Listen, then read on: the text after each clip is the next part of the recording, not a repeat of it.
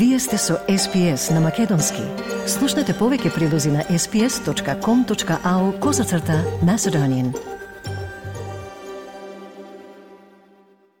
СПС им одава признание на традиционалните собственици на земјата, народот Варанджери Вој Варанг, припадниците на нацијата Кулен и нивните минати и сегашни старешини. Добар ден, денеска е 7 август, а со вас се Ана Коталеска и Маргарита Василева. Во Вести од Македонија ќе дознаете повеќе за интересен проект на Министерството за надворешни работи, проектот Макарта, кој е замислен како мрежа на истакнати поединци на диаспората, кои со својот ангажман и континуирани напори дале значаен придонес во унапредувањето на пријателството, партнерството и блиската соработка помеѓу Македонија и новите средини во кои живеат. А на темата уставни измени ставовите на власта и опозицијата не се менуваат. ВМРО ОДПМН е непоколеблива дека нема да гласа за амандманите.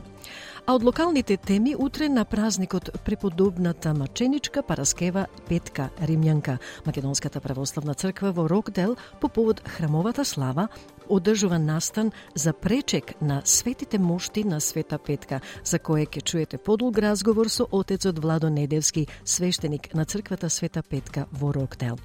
И за крај денешниот разговор со поранешниот македонски селектор и фудбалер на македонската репрезентација Андон Дончевски фрла сјајно светло на женскиот фудбал, опишувајќи го како инспирирачки и високо квалитетен, особено победата на австралиските Матилдас по победата над Канада со 4 спрема 0. Ќе чуеме повеќе за оценката на Дончевски малку подоцна. А сега следуваат вестите на СПС со Ана Коталеска. Ана, повели. Благодарам, Маргарита. Почитувани добар ден и од мене. Во денешниот билтен вести, владата најави план за да ги зајакне деношните закони. Независната сенаторка Кейт Чейни воведе предлог закон за подобрување на политичката транспарентност. И проектот Макарта да се проширува со 68 представници на диаспората по потекло од Македонија. На СПС на македонски следуваат вестите за 7 август 2023 година. Јас сум Ана Коталеска.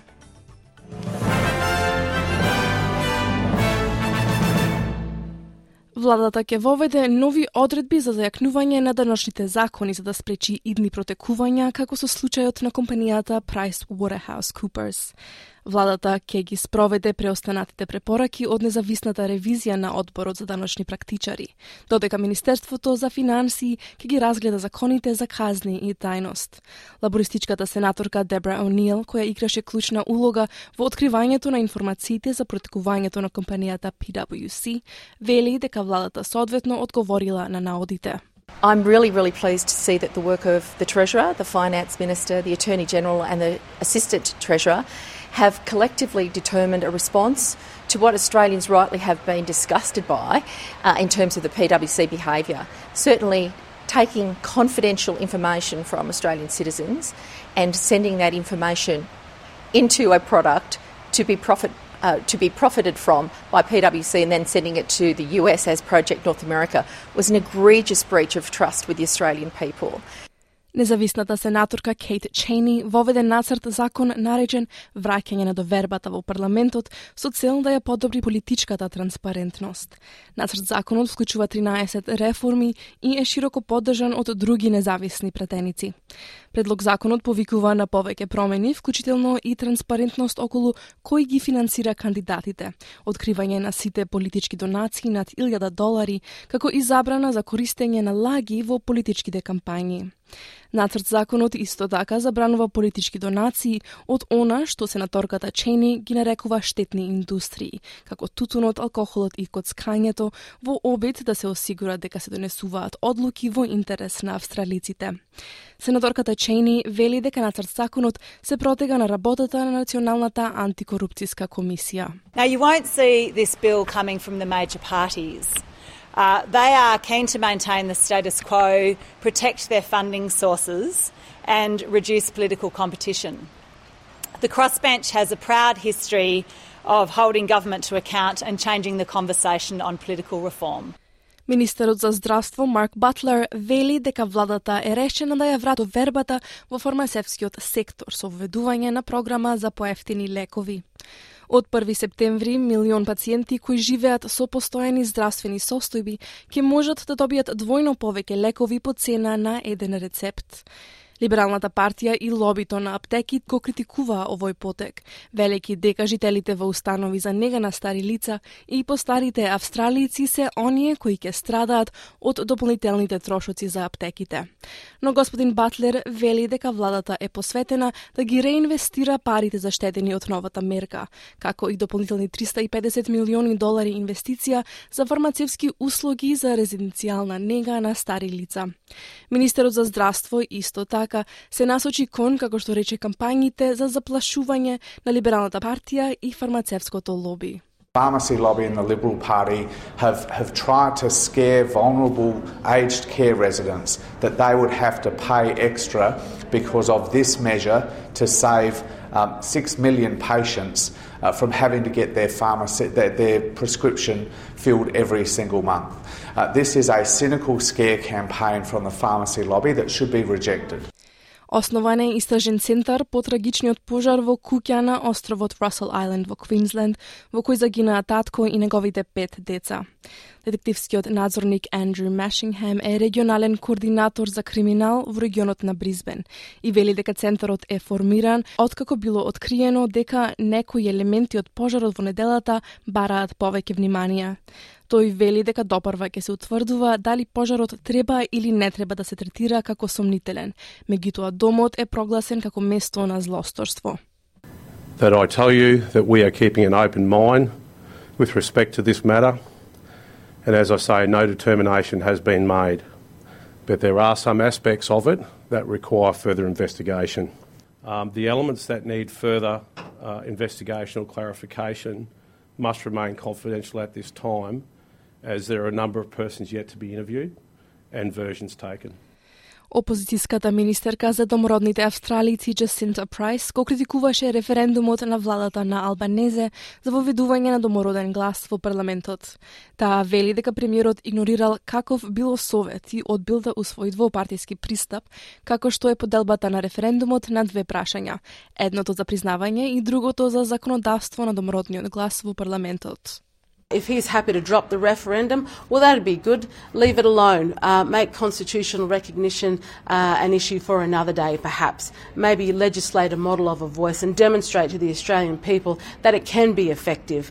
Uh, if, if any of those things are on the table, perhaps we might listen, but otherwise, I say good luck to the Prime Minister at this stage. Премиерот Антони Албанезе ги игнорираше тврдењата дека успехот на референдумот е малку веројатен, велејќи дека има долг пат пред австралиците да гласаат. Две години по промовирањето на листата на носители на Макарта од страна на министерот за надворешни работи Бујар Османи, таа се проширува со вкупно 68 представници на диаспората по потекло од Македонија. Министерството за надворешни работи во мај оваа година упати јавен повик за изразување интерес за вклучување во проектот Макарта до целата диаспора. А меѓу новите имиња во проектот има научници и истражувачи, универзитетски професори, аналитичари во различни области и лекари специјалисти меѓу другите. Проектот Макарта, како што информира МНР, е замислен како мрежа на истакнати поединци на диаспората, кои со својот ангажман и континуирани напори дале значаен придонес во унапредувањето на пријателството, партнерството и блиската соработка помеѓу Македонија и новите средини во кои живеат. Австралиците во просек подржуваат воведување на ограничувањето на киријата и поголеми владени трошоци за социјални станови, според ново истражување на телото The Australia Institute. Тоа доаѓа откако минатата недела сојузната министерка за домување Джули Колинс повторно го воведе нацрт законот за формирање на фонд за домување вреден 10 милиарди долари, откако првиот обид заглави во Сенатот. Предложениот владин фонд за домување ќе испорача 30.000 социјални и достапни домови во првите пет години, со 4.000 домови за жени и деца кои се соочуваат со семено насилство. Планот беше блокиран од коалицијата и зелените во јуни, при што помалата партија повика на повеќе права за изнемувачите и изголемено финансирање за социјални станови. Прогресивниот think tank The Australia Institute спроведе истражување на, на 1500 луѓе, кое покажа значителна поддршка за клучните мерки за домување, при што речиси 90% од луѓето се согласија дека владата треба да троши повеќе пари за достапни домови. Три од четири луѓе го поддржаа воведувањето на ограничување на киријата и соработка на Комонвелтот со владите на државите и териториите. И во фудбалот пранителот на титулата САД е надвор од светското првенство за жени, откако во осми на финалето загуби од Шведска со 5 спрема 4 на пенали. Голманката за Цира Мусновиќ беше херојот за Шведска, одржувајќи го резултатот на 0 спрема 0 и покрај тоа што незиниот тим беше целосно надигран од американките на турнирот цели два часа. Лина Хуртик го постигна одлучувачкиот удар од место во драматични околности за да ја реши тешката престрелка која имаше промашувања од двете страни.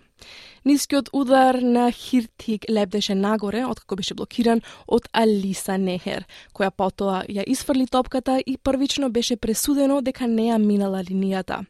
Но таа одлука беше отфрлена на преглед, предизвикувајќи диви сцени меѓу шведските играчи и навивачите во преполниот парк Ема и синоќа.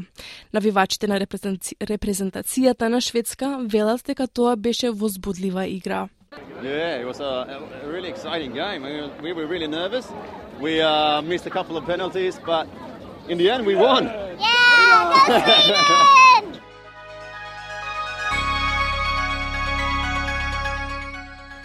Од најновата курсна листа денеска еден австралиски долар се менува за 0,59 евра, 0,65 американски долари и 36,41 македонски денар. Додека еден американски долар се менува за 55,49 македонски денари, а едно евро за 61,06 македонски денари и временската прогноза за главните градови за утре, вторник, во Перт врнежливо 21 степен, 18 за Аделаид сончево. Делумно облачно во Мелбурн 15 степени, 15 се очекуваат и за Хобарт делумно облачно.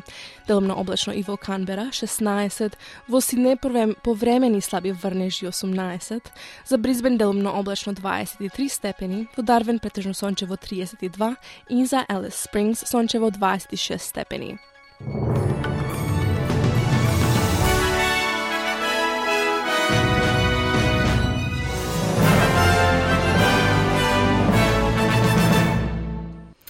Благодарам Ана. Денешниот билтен вести, драги слушатели на СПС со Ана Коталеска ќе биде достапен на нашите веб и фейсбук страници подоцна во денот заедно со комплетната програма. Со вас е Маргарита Василева. Останете со СПС Audio на македонски. Ја следите програмата на SBS на Македонски. Извештајот од Македонија покрива четири главни теми, меѓу кои и проектот М-карта, кој се проширува со 68 представници на диаспората по потекло од Македонија. На темата Уставни измени, ставовите на власта и опозицијата не се менуваат. ВМРО од ДПМН е, непокупл, е, непоколеблива дека нема да гласа за амандманите. Македонија во петокот го доби првиот скрининг извештај од Брисел во кој се вели дека земјата е делу разумно подготвена за членство во Унијата. И дождот ги изгасна пожарите. Од Македонија денеска известува Бране Стефановски.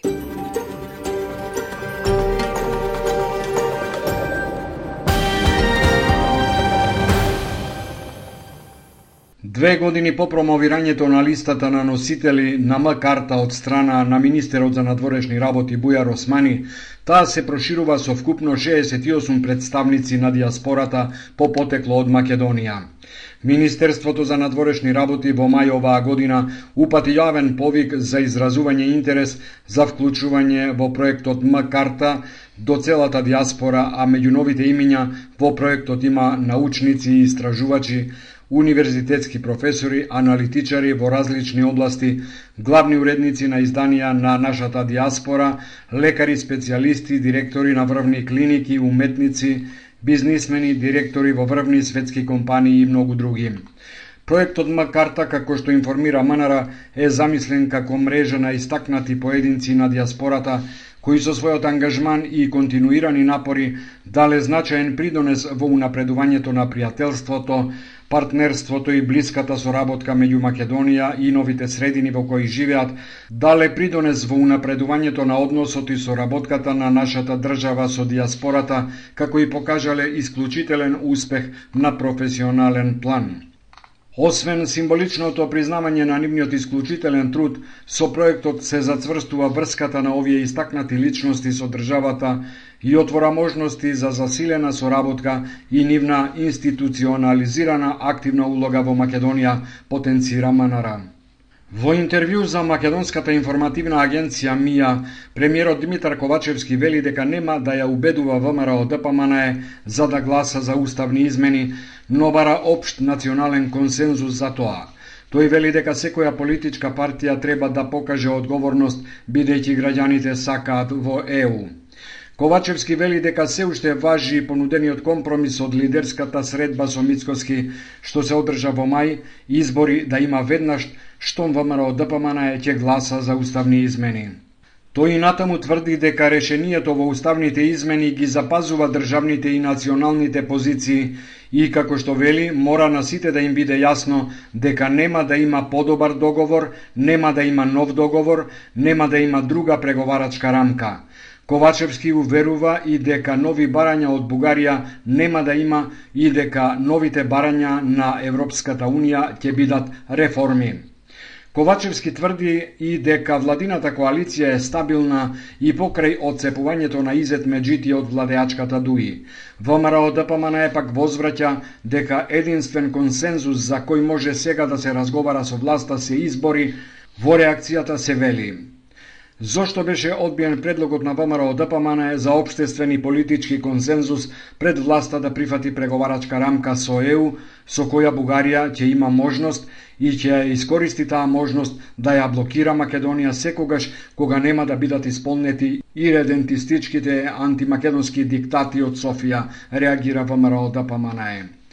Османи завчера на школска табла во просториите на МНР ја нацрта преговарачката рамка со ЕУ, Тој нацрта 35 европски скалила, велики дека тоа се 35-те поглавја што мора државата да ги помине за да стане членка на ЕУ и дека целта на неговото излагање пред јавноста е да објасни дека работата на Историската комисија не била дел од поглавјата што треба земјава да ги исполни на патот кон ЕУ.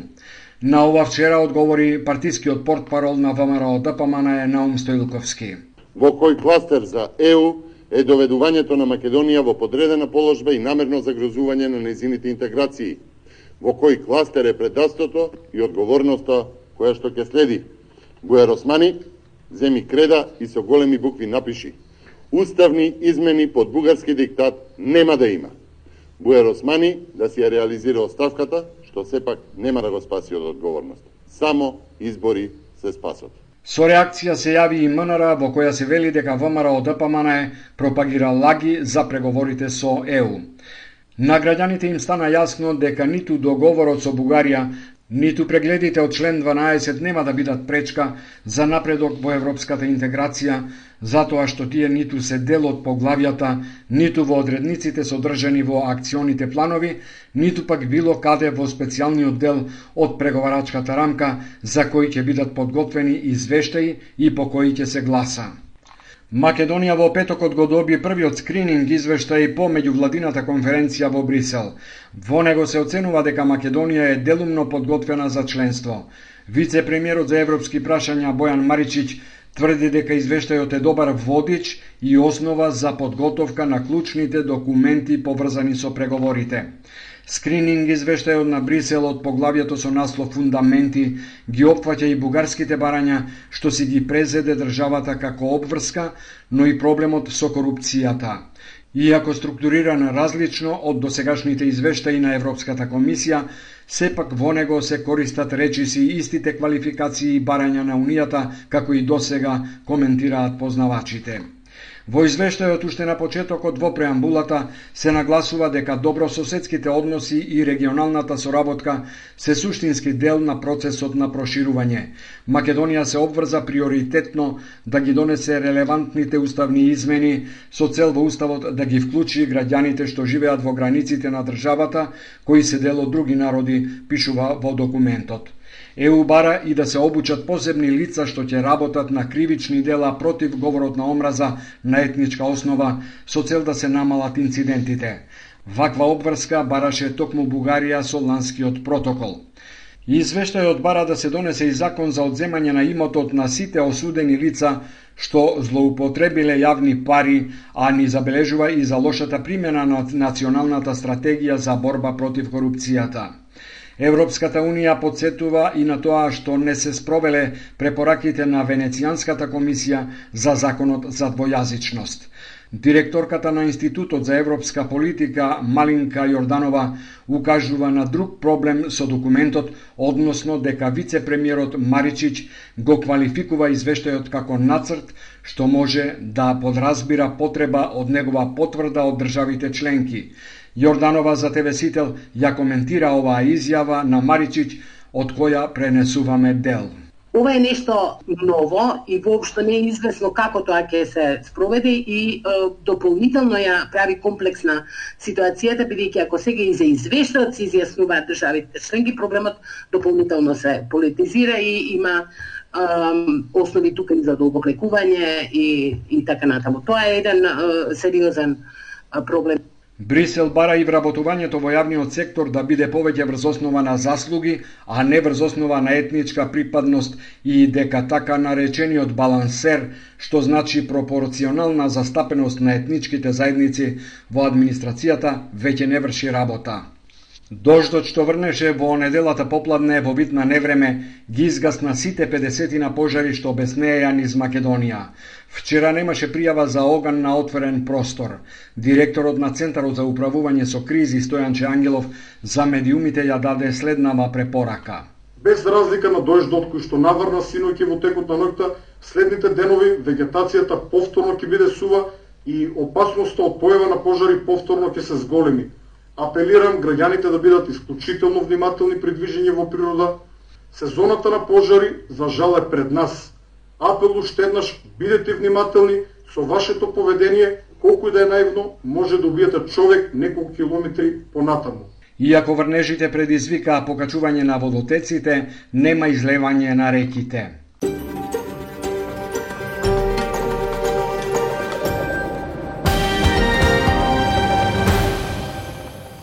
Тоа беше извештајот од Македонија на Бране Стефановски за 7 август. И доколку барате прилози, посетете нашата Facebook страница SPS Macedonian или нашата веб страница sps.com.au Коса црта Macedonian. Таму ќе најдете интервјуа и видеоклипови на разни теми.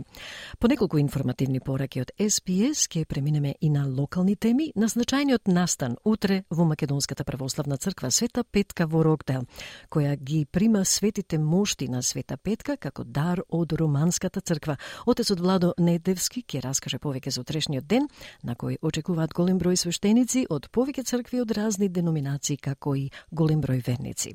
А подоцна и разговор со Андон Дончевски, кој го дава своето мислење за женскиот фудбал по повод светското првенство во фудбал за жени, кое се одржува во Австралија и Нов Зеланд. А во фокус е вечерашниот надпревар помеѓу Австралија и Данска во Сиднеј.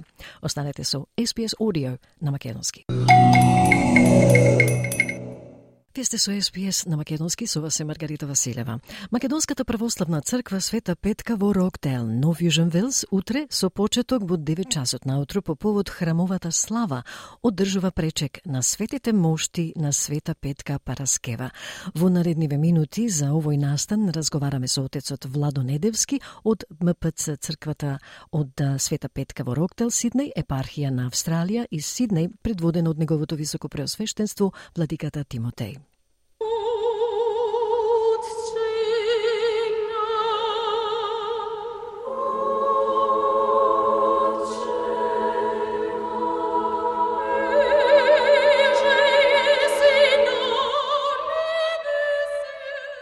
Добро утро, Маргарита.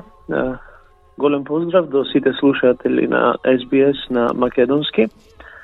Имаме голем повод и голем празник кој ни доаѓа, а тоа е всушност празникот на преподобната маченичка Параскева, Петка, кој е патрон светител, светителка на нашата црква. Значи во вторник, утре, ќе ни биде слава, храмова слава на црквата. По Божи благослов и по благослов на нашиот надлежен митрополит, Господин Тимотеј, Бог благоволи да ги добиеме моштите, реликвиите на Света Петка да пристигнат утре во црквата како подарок од Романската православна црква, односно епархијата за Австралија и Нов Зеланд. Моштите на Света Петка ќе ги донесе лично епископот Михаел, кој всушност е на епископ владика на на Романската православна црква тука во Австралија. И со благослов, како што кажав, на нашиот надлежен митрополит, епископот Михаел, ќе ги донесе моштите на Света Петка и потоа ќе отслужи света архиерејска литургија во слава и чест на преподобната маченичка Параскева Петка, покровителка на овој свет храм. По тој повод ќе имаме голема голема големо празнување на поканивме голем број гости од останатите помесни цркви.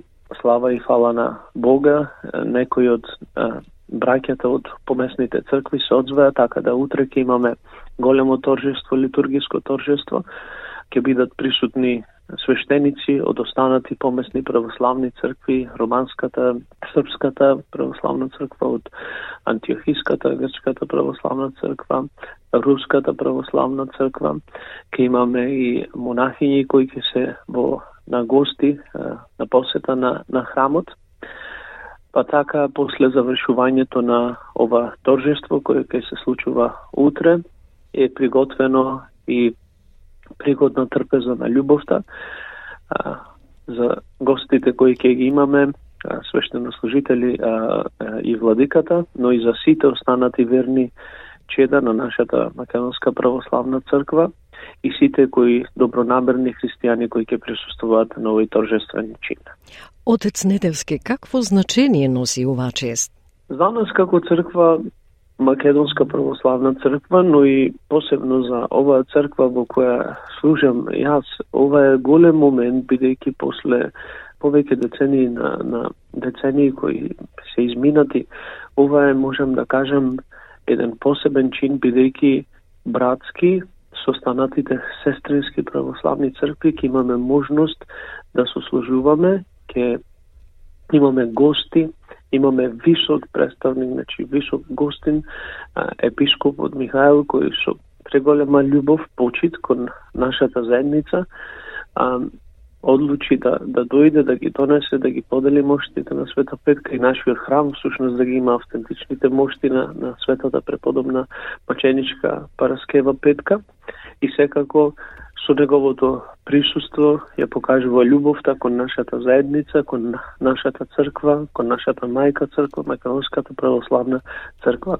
Исто така и останатите свештеници браќа љубовно се одзва на нашата покана и ќе бидат присутни на, на, на овој торжествен чин. Ова е голем ден за не само за нас како посебна црква Света Петка, но и за цела македонска православна заедница во Австралија.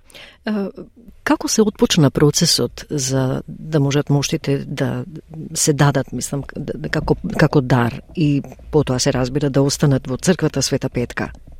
Така. Значи, имавме ние предходно неколку средби со епископот Михаил. Дојде во посета на Сиднеј, остваривме контакт преку еден наш брат, Александар Младеновски, па имавме неколку посети, средби со, со епископот Михаил, дојде еднаш и во нашата нашиот храм, нашата црква, зборувавме и во контакт, односно во, во разговор со него, сушност самиот покаже братска љубов кон нас и се понуди да ги донесе моштите на, на Света предкам и не само не завршува неговата љубов тука, него предходно подобиен благослов нашиот митрополит Тимотеј, он одлучи да дојде тука и да ослужи заедно со нас, да, да, да благодари на Бога.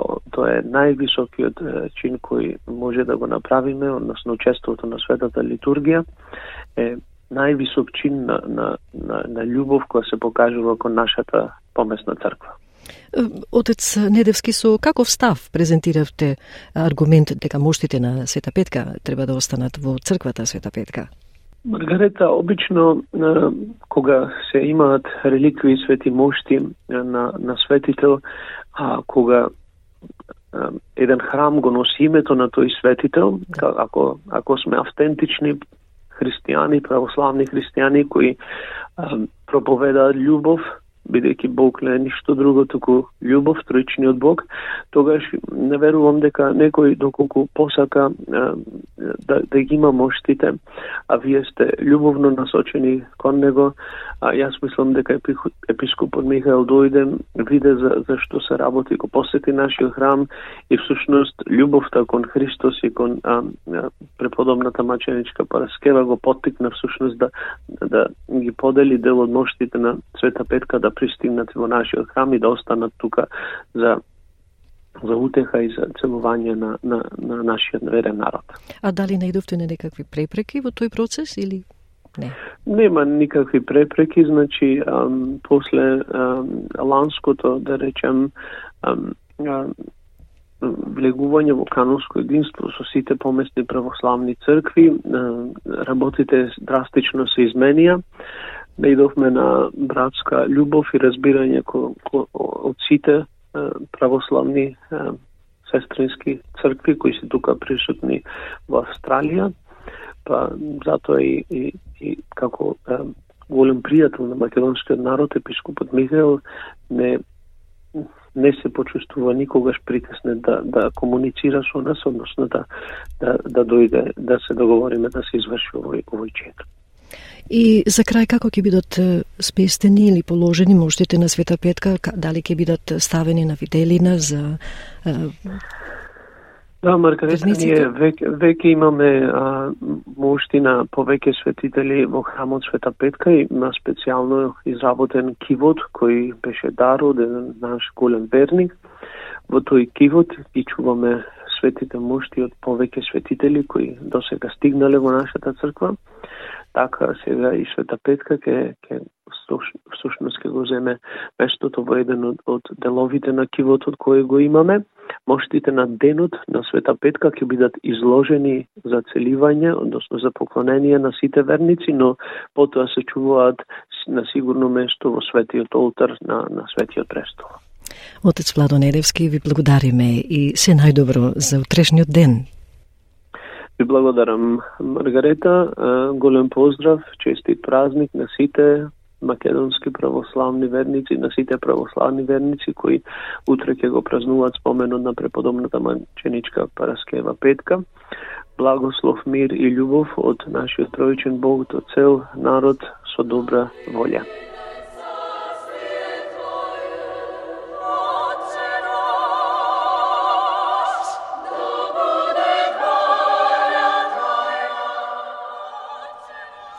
Тоа беше отецот Владо Недевски од Македонската православна црква Света Петка во Роктел, Нов Јужен Вилс, која утре со почеток во 9 часот наутро по повод храмовата слава одржува пречек на светите мошти на Света Петка Параскева.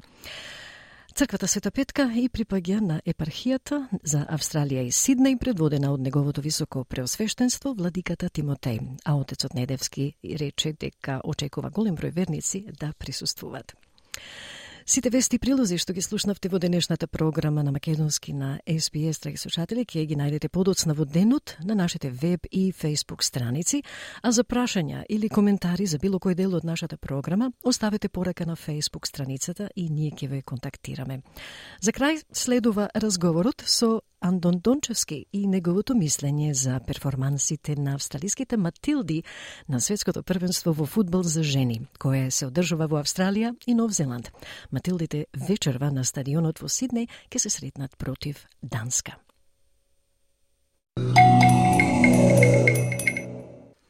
Вие сте со СПС на Македонски, со вас е Маргарита Василева. Минатата недела, австралиските Матилди го совладаа светскиот шампион Канада на светското првенство во фудбал за жени.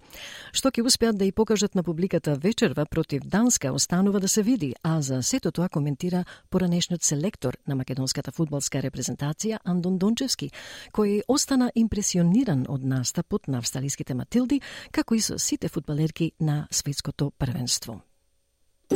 SPS на Македонски.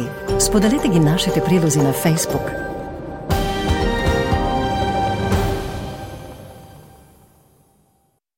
In Dakar will Andrew Balak, Yemen, Kundi Beg. Go Matildas! Од моја стручна призма сметам дека се воздигна Австралија после оној шок што го доживеавте од Нигерија. Да. Што па загубивме. Меѓутоа овој пат Австралија, бидејќи ли малку под среќни околности, ја победивме и тоа резултатот зборува дека е многу убедлив. Напредот беше на вистина на највисоко ниво. Нашите ми изненадија со таква зрела игра и што го победија противникот, оти тој противник е на ранг листата пред нас на две места и затоа ние се воздигнавме па ќе го, го потенцирам ова заради тоа што да. многу добро играа нашите mm -hmm. и резултатот одговара на играта што е. Макар да во последните минути ги дадовме головите. Да, споменавте зрела игра. Можете да ни кажете како се манифестираше таа зрела игра од страна на Австралија, Матилдас?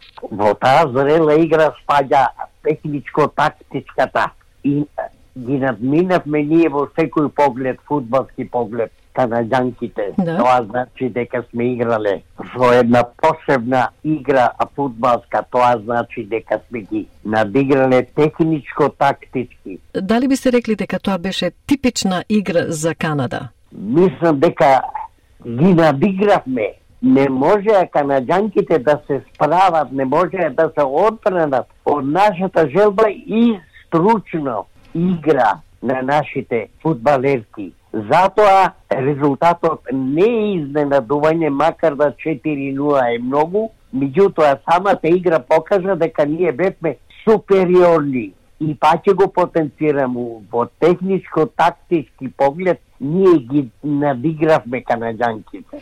Дали тоа значи дека можеме да се надеваме на уште поголеми резултати бидејќи Канада се светски шампиони? Да, токму така е. И затоа е многу важна победата што веќе нашите после оној шок до, што го доживеавме против Нигерија се воздигна во фудбалот, тоа е најтешкото после еден таков шок да се повратиш во игра, да се вратиш и да ги покажеш своите квалитети. И овој пат нашите фудбалерки на вистина беа на, на висина и па ќе речем у техничко-тактички поглед и, и победата и резултатот одговараат на оноа што го прикажавме ние. Да.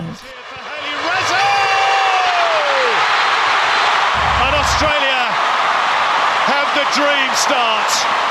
Земајќи предвид дека минатиот октомври Австралија ја совлада Данска, но како што спомнавте, изгуби против Нигерија на предходниот надпревар на светското првенство, какви се шансите според вас Австралија да ја совлада Данска на наредниот надпревар?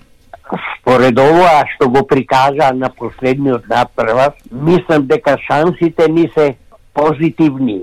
Мислам дека нашите овој пат ако ја прикажат играта приближно како против Канада, мислам дека ќе ги победиме данкињите. Оти јас сум изненаден. Екипата ни е добра. Сите места ни функционираат, сите девојки ни играат. Јас сум изненаден како како машки футбол. Оно јас мислам да беше и машка репрезентација, па ќе не можеше да ни се протистави на нашата зрела игра. Значи, што би им рекле на луѓето кои се уште не веруваат дека женскиот спорт може да биде на исто ниво како и машкиот? Ја да ви кажам, јас после ова што го видов, сметам дека оваа репрезентација на Австралија, која и друга машка репрезентација да ми се спротивстави, многу тешко ќе мине со нас и резултатот ќе биде неизвестен. И затоа сум многу оптимист против Данска, што ќе можеме да ги победиме и да одиме понатаму. И шансите веќе ќе ни бидат многу, многу големи, дури и да бидеме во, во првите две или четири репрезентации во светот.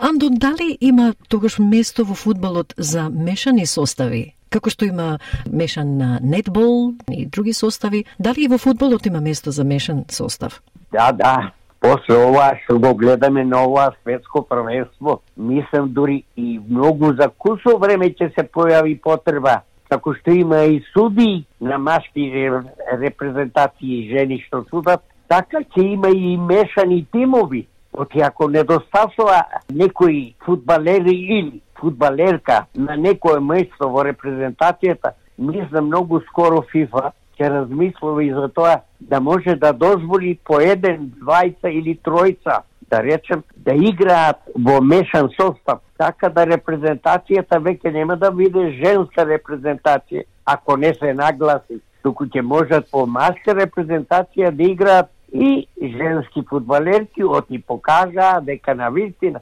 многу, многу напреднале по техничко-тактички поглед. Со други зборови, би требало да се гледа на квалитетот на играчот, отколку на полот. Секако.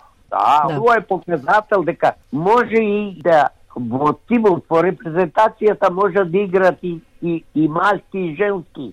Многу, многу се изедначи играта меѓу машките и женските. Ова првенство покажа дека многу, многу се доближија фудбалерките до машките. И затоа не ќе биде долго време кога ќе се дозволи во репрезентација и фудбалерки да играат во тимот во репрезентацијата. Тоа се доста охрабрувачки зборови, господин Дончевски. Ама тоа е вистината, Маргарита. Оти овие надпревари покажаа дека на вистина многу јаки перформанси имаат женскиве Да се изедначува во квалитетот со машките. Оти имаме една брзина доминира сега. Гледаме една прецизност. Имаме тактички многу напреднале женските знаат да чуваат играчи, знаат да се преформираат од, од средина во напад Така да, и веќе и оваа игра на изненадување што ја има, тоа кажува дека е квалитетот на многу, многу повисоко ниво неголи што беше пред 4 години. Така да многу е напредот женскиот футбол. Селекцијата е на вистина добра и селекторите веројатно се стручни што знаеват одредат фудбалерките која на кое место најмногу одговара на кое место што најмногу може да придонесе за играта и за резултатот. Тренерот на Матилдес беше критикуван за нели за резултатот од надпреварот помеѓу Нигерија и Австралија. Меѓутоа, што загубија Матилдес без присуството на Сам Кер? Загубија многу, оти таа е многу добар фудбалер, фудбалерка, да речем не треба нестручно да се напаѓа Густавсон. Оти во фудбалот тие изненадување се чести. И затоа во тие моменти кога нашите го примие изедновачкиот гол, ние бевме малку потресени, изненадени, ба, психичи паднам. И така е тоа во фудбалот противникот ги искористи своите шанси што ги имаше и не победи, па на крајот на грештата, па затоа и фудбалот толку популарен, па затоа и толку е посетен, заради тоа што однапред никош не се знае кој ќе победи. Напоменува дека е во предност една репрезентација, меѓутоа на теренот и нешто друго, ќе ги понесе ентузијазмот на, на екипата, на тимот, па дури и Сем Кершо ја немаше. Сепак таа е еден водач на тимот, на играта, меѓутоа да не се напаѓа селекторот на репрезентацијата, отиете, најубаво ги, ги поби сите тие нестручни. Поразот, да кажам ја, боли секогаш, меѓутоа ги победи победата наша против Канада сите тие нестручни обвинувања на да. тренерот. А и големината на нашата репрезентација е во тоа што се воздигна после такво изненадување психичко би рекол изненадување. Одушевување. да, да, многу е важно во фудбалот тоа. Јазно ја носи, ја носи играта. Многу е битно тоа. Затоа ние покажавме квалитет и затоа ние и една надеж повеќе дека може да одиме и погоре од оноа место што го имаме на ранглистата во светот. Така, Каква фрустрација чувствува Сам Кер во моментов? Што не игра, да. Да ви кажам, таа психичка травма што ја доживуваат или јас многу пати што сум ја доживувал во и, и негативно се одразува на психофизичката способност на фудбалерките. Не можат максимумот да го дадат, немаат концентрација, не може да ја организираат играта, не можат акцијата да ја завршат. Секојаш се изложени на, на тој страх, на тој грд што не можат правилно да ја Прецизноста се губи. А ќе речам, големината на нашиве фудбалерки беше во тоа што се воздигнаа како птица Феникс одговорија на наредниот надпревар и тоа силен надпревар. Но, Андон, каква фрустрација чувствува самата Сам Кер што не игра? Посебно што го загубија над преворот со Нигерија, а сега исто го добија над преворот против Канада. Тука се може би голема мешавина на, на емоции. Многу влијаат емоциите, Маргарита. Само психостабилни фудбалерки може да прифатат таа траума и да ја напушта таа траума. Многу силно ови треба да се психички тие. Затоа се вика фудбалот психофизичко надигрување оти е, а после една таква траума што доживеавме да се вратиме ние, дури и да покажеме поарна игра неголи што очекувавме и резултатот што е.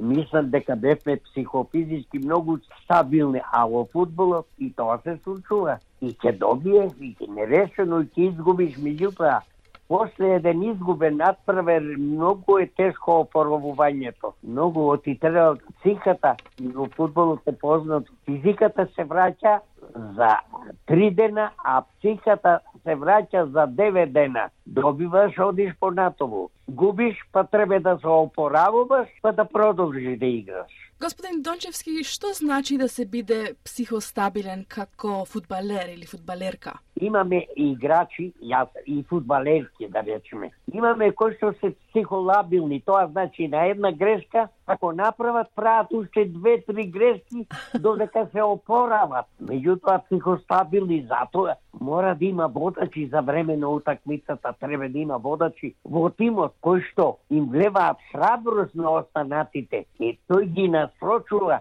да го дадат максимум што го можат и што го имат.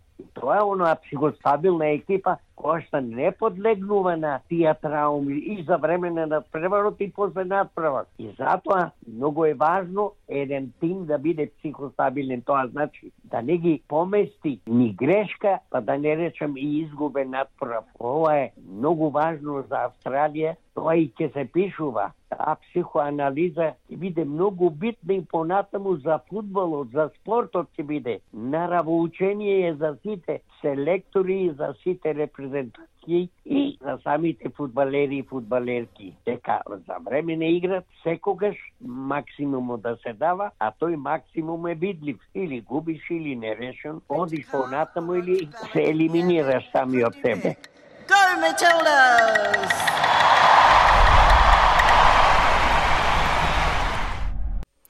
Го слушавте Андон Дончевски, поранешен селектор на Македонија во фудбал и неговото мислење за настапот на австралиските фудбалерки Матилдес, кој оценува дека шансите за вечерашната средба против Данска се сјајни, доколку Како што вели тој, Матилдите останат психостабилни. Само напред, Матилдас, и тоа е се за денеска, почитувани слушатели. Ви благодарам на вашето внимание. Доколку имате коментар, оставете порака на нашата Facebook страница. Ве очекуваме повторно утре на SPS со следната емисија на Македонски, а до тогаш од Ана Коталеска и Маргарита Василева пријатно попладне и до слушање до утре. Go Matildas! Сакате ли да чуете повеќе прилози како овој? Слушате подкаст преку Apple Podcasts, Google Podcasts, Spotify или од каде и да ги добивате вашите подкасти.